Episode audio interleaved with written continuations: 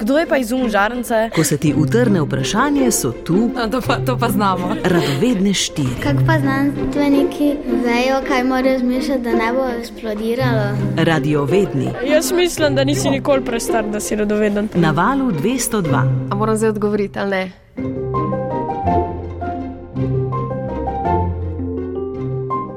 Štorklje so ptice selivke, kar pomeni, da se zaradi pomankanja hrane v zimskih mesecih odpravijo na lepše, v tople kraje. Morda prav zdaj letijo čez Balkanski polotok, prek Bosporja proti podsaharski Afriki, kjer bodo preživele zimo. Čeprav so svoj dom zapustile, lahko na dimnikih, drevesih in električnih drogovih še vedno vidimo trdno nameščena gnezda, ki jih ne premakne niti snežni vihar ali močan veter. Kakšna je njihova tehnika graditve, da gnezda več let ali celo desetletij, kljub vse ostrejšim vremenskim pogojem, ostanejo na istem mestu? Sprašuje poslušalka Ana Mari, odgovarja pa strokovnjakinja, prava poznavalka Štorkel. Pozdravljeni, sem Urša Gajšek in prihajam iz Društva za opazovanje in proučevanje ptic Slovenije. To se sliši zelo idilično, ampak vendarle pravite, ni to samo opazovanje ptic. Ne, žal ni samo opazovanje ptic. Uh, številni sodelavci pa imajo to čast, da lahko vseeno večino časa preživijo na terenu. Uh, recimo jaz pač večino časa preživim v pisarni, ko pa imam priložnost, se pa tudi jaz pridružim na terenu. Na terenu ali pa v studiu. Ali pa v studiu, tako, tako.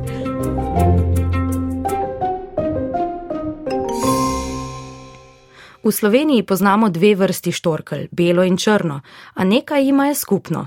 Obe sta odlični pri graditvi svojega gnezda. Urša Gajšek se pošali, da so štorklje najboljši gradbeniki daleč naokoli.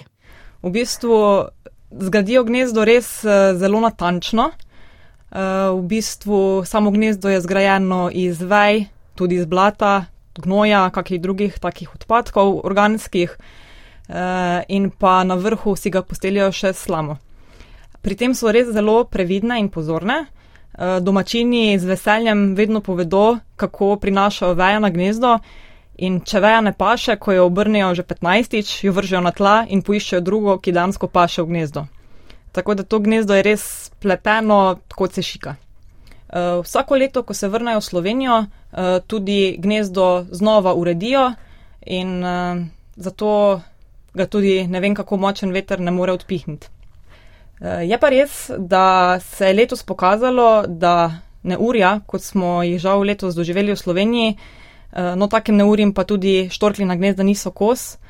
In uh, se je marsikaj po Sloveniji zgodilo, da je gnezdo padlo na tla, saj v močnem deževju se je to razmočilo in posledično uh, ga je lahko veter tudi odpihnil.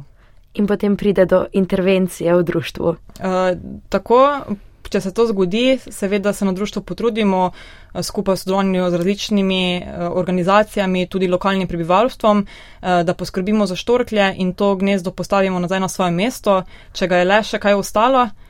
Dobro pa je, no, da se v bistvu namesti konstrukcija, se pravi gnezditveni podstavek, ki v bistvu od spodaj nekoliko še bolj stabilizira gnezdo eh, in s tem v bistvu varujemo štorklje v Sloveniji. Pravite pa tudi, gnezda se z leti večajo, eh, torej jih štorklje dograjujejo. E, tako, v bistvu, ko štorklje izberejo ustrezno lokacijo za izgradnjo gnezda, e, v bistvu je sprva to gnezdo, bi rekla, nekoliko majhno.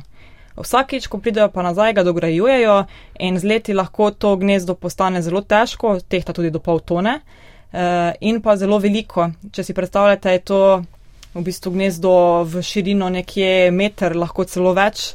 Eh, Visoko je tudi lahko do metra, tako da res gre za zelo veliko gnezdo. Eh, Včasih, ko ga gledamo stal, sploh nimamo občutka, da je res tako ogromno. No.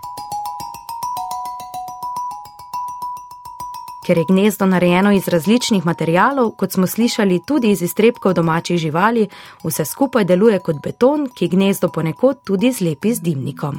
Gnezdo, z njim pa tudi štorklje, lahko torej prav zares postanejo nepogrešljiv del slovenskih domov. Radiovedni Po naravi smo vsi radovedni, po moje. Radiovedne smo z vami vsako soboto ob 8.45 na valu 202.